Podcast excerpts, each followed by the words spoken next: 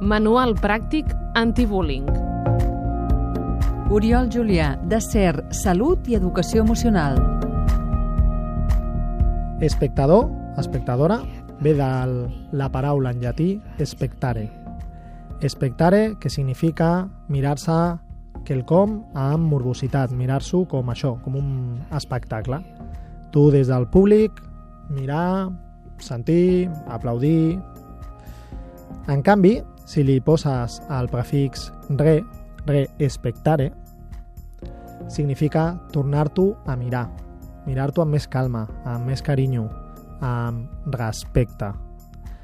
Ja que aquesta paraula, en aquest temps, en castellà, en català, és respecte. Per tant, tu admires una cosa amb morbositat o te la mires amb respecte? Ets un espectador o ets un respectador? Convidem a tothom a agafar aquesta actitud de respectador. Respectar la situació, respectar el grup, respectar la convivència, respectar les persones que estan en això, tant l'agressor com la víctima, com els altres espectadors.